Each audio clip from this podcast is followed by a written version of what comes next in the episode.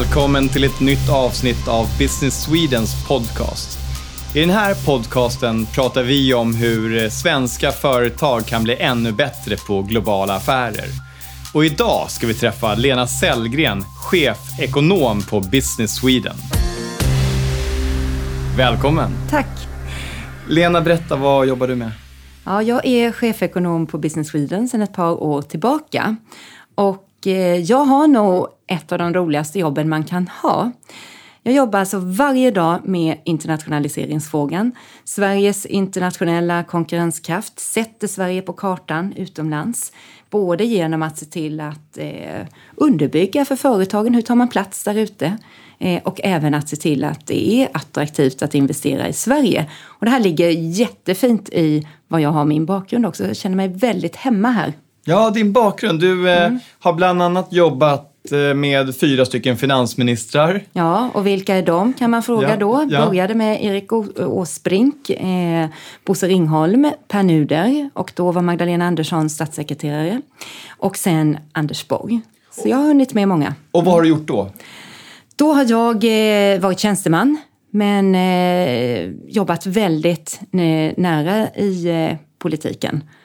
Så att det har varit väldigt kul. Ekonomisk analys eh, och eh, med faktiskt alla frågor egentligen. Mycket skatteekonomiska frågor, då kommer man in på alla våra utgiftsområden. Så det är både arbetsmarknad, det kan vara näringspolitiken, utbildning. Eh, så det är otroligt fint att ha det med sig och också förståelsen för vilka tillkortakommanden det finns. Hur approcherar du politikerna? Hur kan du framför allt när det gäller intressen som Eh, företagen har, eh, nu jobbar jag ju inte idag för en intresseorganisation, men ändå om man vill påtala att någonting inte, eh, man inte tycker att det är rätt helt enkelt i det i politiken man för så är det väldigt, väldigt viktigt att vara välgrundad. Det är det alltid, men i synnerhet när du ska nå fram till politikerna. Du får aldrig tala i egen sak utan det måste vara något som når ända ut till samhället och jag tycker det här är riktigt kul. Så Lena, det här är en fråga som jag har önskat att få ställa till eh, flera olika personer, men du är ju chefekonom, så nu måste jag fråga dig. Hur går det för Sverige? Det går bra för Sverige. Ja. Än så länge går det bra för Sverige. Och att jag säger det är ju faktiskt att vi har en hel del utmaningar. För att vi ska bibehålla vår internationella konkurrenskraft exempelvis, då måste vi eh, se till att eh, vi klarar av Eh, Eh, hela arbetsmarknaden, kunskapsförsörjningen och att vi har konkurrenskraftiga eh, lagstiftning, regler naturligtvis. Det är... Och enligt din upplevelse, går det bättre för Sverige nu än vad det gjorde för tio år sedan? Eller eh, är vi negativt påverkade av den kraftigt internationaliseringen som sker på alla marknader? Ja, nu hamnade vi ju mitt i det tio år sedan, det var ungefär när finanskrisen bröt ut eh, och då var det ju tufft för alla. Men under hela den resan, eller återhämtningsfasen efter finanskrisen, har ju Sverige klarat sig väldigt bra. Eh, jämfört med många andra länder och vi har goda offentliga finanser och en väldigt eh, fin situation till följd av det. Eh, så det har vi gjort, men det, det, är som sagt en hel del utmaningar eh, som vi står inför nu för att kunna bibehålla vår eh, eh, konkurrenskraft framåt. Och inte minst när det gäller kompetensförsörjningen. Jag tror att den är nyckeln för att vi ska kunna då eh, anamma den här, vi har pratat mycket om eh, teknikutvecklingen, det globala teknikskiftet och eh, kunna vara tjänsteinnovativa eh, och ändra våra affärsmodeller. Då behöver vi kompetens. Lena, när jag gick i skolan och läste ekonomi, då läste man om bytesbalans och handelsöverskott eller handelsunderskott. Ja. Pratar man fortfarande om det? Ja, man pratar väldigt mycket om det. Eh, och det där är ju lite komplicerat för att det är inte så enkelt att man kan säga att det är positivt eller negativt, utan det här beror ju på varför. Vad är det som förklarar att man har hamnat i eh, ett visst läge? Så att det behöver inte nödvändigtvis vara Eh, farligt att ha ett handelsunderskott eller bytesbalansunderskott.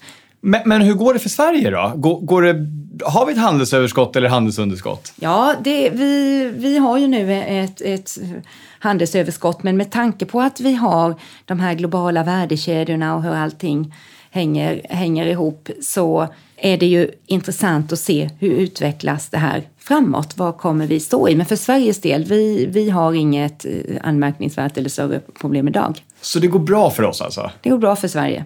Innan vi går vidare och pratar om eh, lite mm. begrepp som mm. makroekonomi, penningpolitik och sådana saker som inte jag har så jättebra koll på, som jag vet att du har superkoll på. Mm. Mm. Tänkte jag fråga dig om svenska företag ute i världen. Hur ser man på svenska företag? Mm, enkelt. Eh, det är ju verkligen kvalitet, kvalitet, kvalitet. Det är ju avgörande. Vi sätter ett jättefint avtryck och så naturligtvis hållbarhet. Ja, för Sverige är ju ett litet land och jag vet att du har följt med på delegationer runt om i världen där Sverige och svenska företag presenterar sig. Hur ser man i eh, internationella sammanhang på det här lilla pyttelandet Sverige? Ja, men man ser det här lilla pyttelandet Sverige faktiskt som det är kvalitet. Det är ett bra land att göra affärer med. Det finns mycket kunskap, kompetens och återigen kommer det här med kvalitet och hållbarhet. Det är också en eh, affärspart man kan lita på så att vi, vi är en bra eh, part där ute eh, i världen. Helt klart. Många industrier förändras ju väldigt snabbt just nu mm. och det behöver ju även svenska företag göra. Mm. Och, och, kvalitetsbegreppet det hamnar ju någon annanstans när det handlar om digitala upplevelser eller digitala tjänster. Va, va, vad säger du där? Ja, jag tror att det ligger i botten. Du måste ändå ha någonting som du grundar det här på. Men du är inne på något väldigt viktigt där och det som händer just nu med det här digitala, alltså globala skiftet vi befinner oss i. Det innebär ju att vi har både digitalisering, automatisering, artificiell intelligens, eh, 3D-printing, eh, uppkopplade samhället. Allt det här gör att vi kan eh, kommunicera, producera, interagera på helt nya sätt. Och vad innebär det i sin tur? Att du måste ändra på din affärsmodell. Så det är ju en utmaning för företaget, men också en möjlighet såklart. Så om man tänker sig det affärsmässiga arvet som svenska mm. företag får med sig, mm. stora mm. bolag som Sandvik, SKF, IKEA, Volvo. Ja. Där är det ju ändå någon typ av produkt eller tjänsteföretag vad är det vi lyfter med oss nu in i framtiden från det legacyt? För det är ju, mm, mycket mm. av de branscherna förändras ju och blir ju väldigt snabbt globaliserade också. Ja, och de är ju redan det. Och det man har med sig är ju att Sveriges svenska företag uppfattas ju, och vi är ju också ett av de mest innovativa länderna i världen. Däremot måste vi ju se till att vi fortsätter att vara det. Men det har vi med oss. Vi är också sedan lång tid tillbaka högt internationaliserade för att vi måste vara det eftersom vi har en sån liten hemmamarknad. Så att här är ju det viktiga för Sverige nu att se till att inte hamna på bakgården. Alltså att bibehålla vår eh, vassa kompetens, kunskap och att man vill vara i Sverige och innovera, växa företag, leva, bo här. Egentligen går det till den lilla människan faktiskt, att det ska vara attraktivt att vara här. Ja, Sverige är ju ett väldigt litet land och väldigt beroende av export och import eller mm. man vill inte ens kalla det det längre utan Nej, globala exakt. affärer. Ja, ja. Berätta mer. Vad... Det är bra, globala affärer gillar vi verkligen för det är precis det det handlar om. Och att man är en liten ekonomi och öppen för, för omvärlden som Sverige är. Det, det innebär att vi behöver tillgång till en större marknad. Och hur får vi det? Egentligen tre komponenter i det. Eh, för det första kan vi ju exportera till utlandet. Jättebra, då får vi jobb, sysselsättning i Sverige och kan öka vår välfärd. Men sen är det ju så att många företag har ju försäljning i utlandet på plats. Det kan vara så att man kräver det. Många av tillväxtekonomierna ska upp i eh, värdekedjan och då behöver man vara på plats. Så givet att det är hyggliga förutsättningar för företagande i Sverige ska vi ju inte stoppa våra företag att vara internationaliserade. Men där kommer ju jobben och sysselsättningen då främst i utlandet. Man skickar hem vinster och kan därav investera i forskning och utveckling och eh, det blir naturligtvis indirekt även jobb. Men då är det ju viktigt, den tredje komponenten i det här, att man också eh, ser till att det är attraktivt för utländska företag att investera eh, direktinvesteringar tänker jag på då, i Sverige. Och det har vi ju sett mycket exempel på nu ja. under senaste åren, att ja. mycket företag etablerar sig här och ja. mycket företag väljer att ha sina platser. Varför tror du internationella företag väljer att sätta upp sina stora kontor eller stora tjänstesektorer i Sverige? Det gör man för att här, det, finns, det finns kompetens vi ligger i framkant inom väldigt många områden. Det handlar om avancerad tillverkningsindustri. Eh, det är också inom medicinska området, life science. Vi har det inom hållbarhet eh, och även ICT eh, sektorn så att det finns mycket kompetens och kunskap och den vill man ju åt. Däremot börjar vi ju se som är viktigt att ta in i diskussionen här att vi har brist på kompetens. Så talangerna och hur man attraherar de här personerna, det är ju en fråga som man måste jobba med aktivt på alla håll nu, såväl politiskt som företagen själva. Hur ser man till att man vill komma hit och innovera helt enkelt? Så drömscenariet, mm. skapa ännu mer hubbar för innovation och tillväxt i Sverige, att få mm. ännu mer utländska medborgare att flytta till Sverige också? Ja, alltså innovation, entreprenörskap, det är ju grunden i alla ekonomier egentligen till ett ökat välstånd. När du har nått viss nivå i ditt välstånd, då behöver du innovera för att kunna ha en långsiktig produktivitetstillväxt i ekonomin. Så att det här är ju jätteviktigt och då tror jag att det allt mer framöver handlar om att se till att man har, vi kan kalla det hubbar, eh, en del kanske pratar om städer, men att man ser till att det är attraktivt. Man ska vilja vara här och då eh, tror jag att man kan eh, göra väldigt, väldigt mycket och komma långt. Men det handlar om att skapa det här och vi har ju det i viss utsträckning i Sverige. Vi kan titta på startup-scenen där det är attraktivt. Men då bygger det på att det finns bostäder, eh, infrastruktur, eh, också system som fungerar för alla. Så när jag som företagare ska gå ut och berätta om svenska andra företag mm. som har gjort framgång runt om i världen, vad, mm. vad lyfter jag fram då? Ja, i sammanhanget är det ju kul att faktiskt våra företag, eh, företagsledare man stöter på utomlands, de lyfter ju själva fram svenska företag. Så att i det första skedet behöver man knappt göra det, utan det är H&M Ikea lyfts alltid. Och det är också så att eh, man eh, i utlandet är väldigt stolt över att man har nått en viss nivå i sin, om man tänker tillväxtekonomin, att vi kommer nu få H&M Ikea, när kommer de? Jag tror att det också handlar om att det ligger ganska nära det mänskliga värdet, intressena också. Sen är det ju många andra företag också, inte enbart de, men de har satt ett fint avtryck. Mm. Jag tänker på nya företag, eller hyfsat nya företag mm. som går globalt. Spotify till exempel mm. gjorde börsintroduktion här för ett tag sedan. Ja. Vad innebär det för Sverige och svensk företagande? Det är också viktigt. Där blev det lite tokigt bara i lanseringen där man lyckades ta, hala, eller hissa den schweiziska flaggan istället för den svenska. Så det kan ju bli tokigt ibland. Men det här är ju jätteviktigt. Så jag skulle säga att eh, sådant här som får ett, ett stort genomslag, det är ju en, ett, ett jättevärde för alla våra svenska bolag att vi syns helt enkelt. Så vägen då från klassisk industri mm. fram till high-tech och eh, digitaliserade företag. Mm. Hur kan vi ta med oss det svenska arvet in i det? Ja, vi kan ta med oss det. Dels för att vi är redan så i så hög grad internationaliserade så att det är ganska enkelt på det sättet att vi har mycket kunskap, kompetens i Sverige och det här i grunden ligger ju mycket av det här innovativa, det tekniska kunnandet, logiken, förståelsen. Nu sätter det ju förvisso nya krav på affärslogik, affärsmodeller eh, och också organisatoriskt i företagen. Men jag tror att vi kan ta med oss mycket för att vi har också en väldigt eh, flack struktur i våra företag. Det är väldigt nära till eh, exekutiva beslutsfattare inom organisationerna. Så jag tror vi har väldigt, väldigt mycket eh, som vi kan bidra med. Som chefekonom på Business Sweden, då har du massor med olika uppdrag. Mm. Eh, men du håller koll på allt ifrån hur eh, den svenska bytesbalansen ser ut. Mm. Eh, vad, vad, betyder det? Ja, vad betyder det här med, man pratar ju både om handels bytesbalans. Tar man bytesbalans så har man med det samlade utbytet med omvärlden. Och det är ju något som kommer upp väldigt mycket i debatten eh, nu för tiden eh, i och med att man pratar om det här protektionistiska och man måste skydda si, sitt egna. Ja, mycket prat om det nu när Donald Trump eh, pratar om att bli ännu mer protektionistisk och sätta upp mm. handelshinder. Mm. Vad, vad behöver vi tänka på där?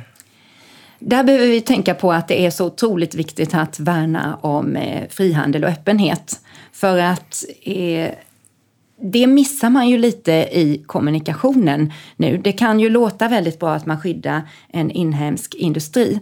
Men det som kommer hända är ju naturligtvis att det kan vara positivt på kort sikt för en specifik bransch, industri, men det kommer ju bli dyrare, vilket innebär att när konsumenterna, väljarna som det handlar om, eh, kommer möta högre kostnader så kommer de få mindre köpkraft och då kommer man inte vara så nöjd längre. Så att eh, frihandel är jätteviktigt. Och det är en fråga som du jobbar aktivt med även på, i den svenska, svenska politiska debatten? Ja, den är så självklar. Den är så självklar eftersom jag dagligen jobbar med hela internationaliseringen och man ska ju inte heller vara eh, rädd för eh, varken konkurrens eller eh, att det kommer in andra aktörer utan jag tror att med de möjligheterna som öppnas upp nu så måste vi ha mycket, mycket mer av både samverkan, samarbeten, partnerskap. Eh, för det är först då vi kan gemensamt i hela världen skapa en bättre välfärd. Och där kommer ju hållbarhet och annat in som sätter press och kanske hjälper till med det här. Men en fråga där som jag har klurat mycket på själv är just den här, måste det bli sämre innan det blir bättre? Ja, hur är det med det? Ja, hur är det med det? Och det eh, är ju just att det är svårt att ta till sig och agera här och nu när det inte riktigt har hänt någonting. Det, det, du måste ta mycket risk och jag tror att mycket av det vi befinner oss i med vi har eh, både i USA med Trump-administrationen, vi har Brexit och de är ju ett symptom på den tid vi faktiskt lever i att det är svårt att förstå. Då skapas ju den här populismen, det enkla budskapet. Men det här kommer resultera i på sikt någonting riktigt bra tror jag, för att vi kommer gemensamt behöva tänka nytt och det kommer vi förstå. Frågan är bara hur långt bort är det? Men vi ska jobba mot det redan nu. Så vi är ju på rätt väg helt enkelt. Och för svenska företag då, då i den här världen som nu det händer otroligt mycket saker i. Det är både Brexit och vi pratar om mm. Trump här. Vad, vad behöver vi tänka på som svenska företag som är så beroende av att gå mm. ut på en global marknad? Vi behöver ju såklart alltså förstå det här som händer. Vi behöver ju följa det väldigt, väldigt noga naturligtvis. Men sen tror jag mycket att det handlar om att blicka framåt och se vad gör vi nu? För vi ska ju bara fortsätta att vara världsbäst på det som vi redan är världsbäst på. Vi ska fortsätta med den specialiseringen men vi ska göra det på, på nya sätt. Så det vi också måste göra är ju här att vara med där ute. Absolut inte backa. Vi ska vara med helt enkelt för att då kommer man se att det här är rätta vägen tillsammans med andra. Vi gör det inte själva. Om vi eh, svenska företagare vill eh, påverka någon viktig valfråga för svensk politik i höst? Vad bör vi stå och ropa om då? Oj, det ska man nog fråga företagen om naturligtvis. Men jag kan ju svara utifrån mitt perspektiv vad jag tycker är viktigt för hela näringslivet. Och det är ju faktiskt att det är stabila spelregler och att eh, Sverige står väldigt konkurrenskraftigt. Apropå det här med att man, både när det gäller eh, eh, handel men även att eh, Eh, att det är attraktivt att leva, bo och växa företag i Sverige oavsett om du är i Sverige eller kommer från eh, utlandet. Det är otroligt viktigt. Lena, i ditt dagliga jobb då har du kontakt med politiker, du sitter och läser rapporter, du träffar företagare, du försöker göra analyser hela tiden. Mm. Hur gör du mer för att hålla dig uppdaterad? Ja, det gör ju jag genom att jag i princip dagligen är ute i eh, olika sammanhang där jag möter såväl beslutsfattare, policymakers, företag, akademi. Så att jag har ett flöde kontinuerligt och dessutom eh, så har vi ju eh, på arbetsplatsen förmånen av att vara en sån internationell organisation. Så det finns alltid i korridorerna någon liten impuls från utlandet. Så att jag är i det i princip hela tiden. Mycket paneldiskussioner, mycket seminarium och så vidare. Vilket är väldigt kul. Innan idag vi skulle spela in den här podcasten så lyckades jag rycka med mig en eh, folder som Business Sweden har gett ut som heter Tjänsterevolutionen. Mm. Och du är avsändare för det och i inledningen så står det Tjänsterevolutionen är Sveriges framtid. Mm. Vad menar du med det? Ja, där menar jag och vi att eh, vi är ju redan inne i eh, det här med ökad grad av tjänstifiering. Man paketerar mer. Det är, inget, det är inget nytt fenomen, det har pågått länge, länge. Men det här med de nya möjligheterna, globala teknikskiftet, man kan mer anamma globala plattformar, skalbarheten är det man är ute efter. Och svenska företag är ju redan väl positionerade och kan vi då eh, vara med här och på så sätt dra nytta av en ökad produktivitetstillväxt. Vi får alltså ut mer för det vi puttar in här. Eh, och också ändra i våra affärsmodeller så kommer vi kunna att både öka vår konsumtion i Sverige men också ha möjlighet att öka vår tjänsteexport ut i världen. Och några exempel här är ju som vi faktiskt, ett av dem lyfter i rapporten för att affärsmodellen är intressant, det är ju ABB Ability som jobbar inom sin bransch med en mer bransch specifik plattform och försöker titta på det här med skalbarheten.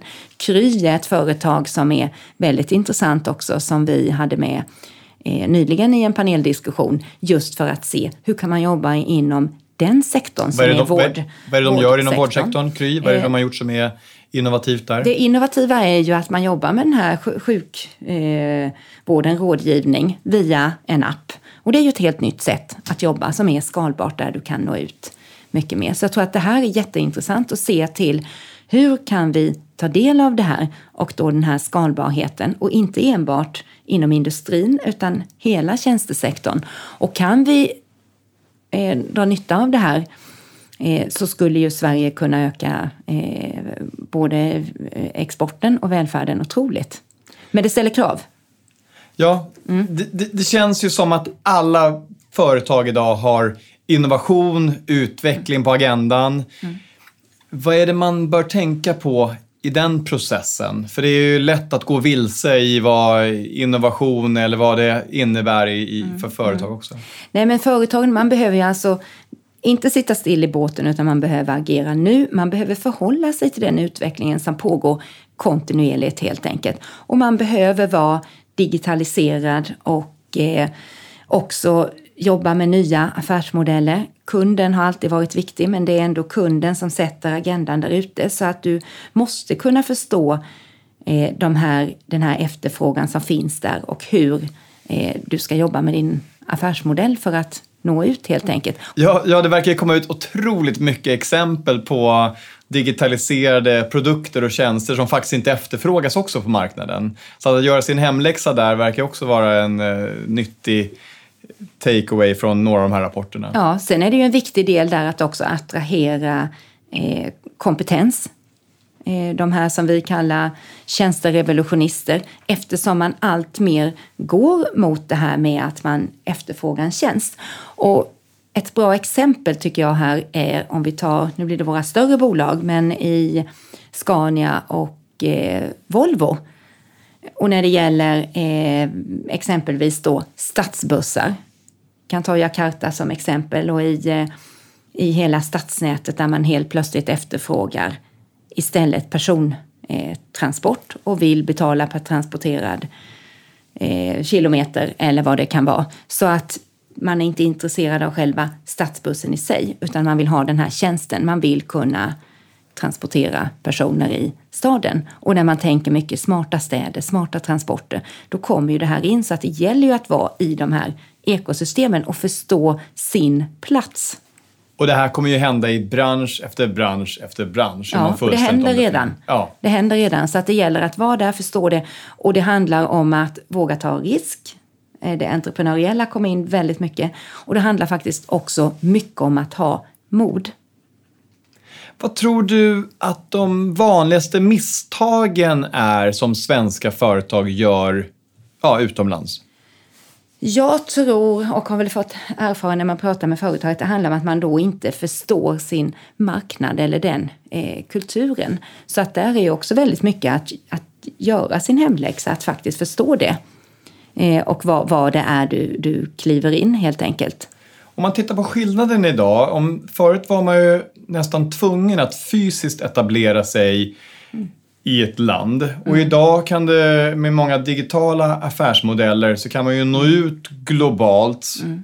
genom egentligen anpassa språket eller att bara med en mm. engelsk sajt så kan man göra väldigt mycket. Vad, hur förändrar det vårt sätt att se på globalisering av svenska företag?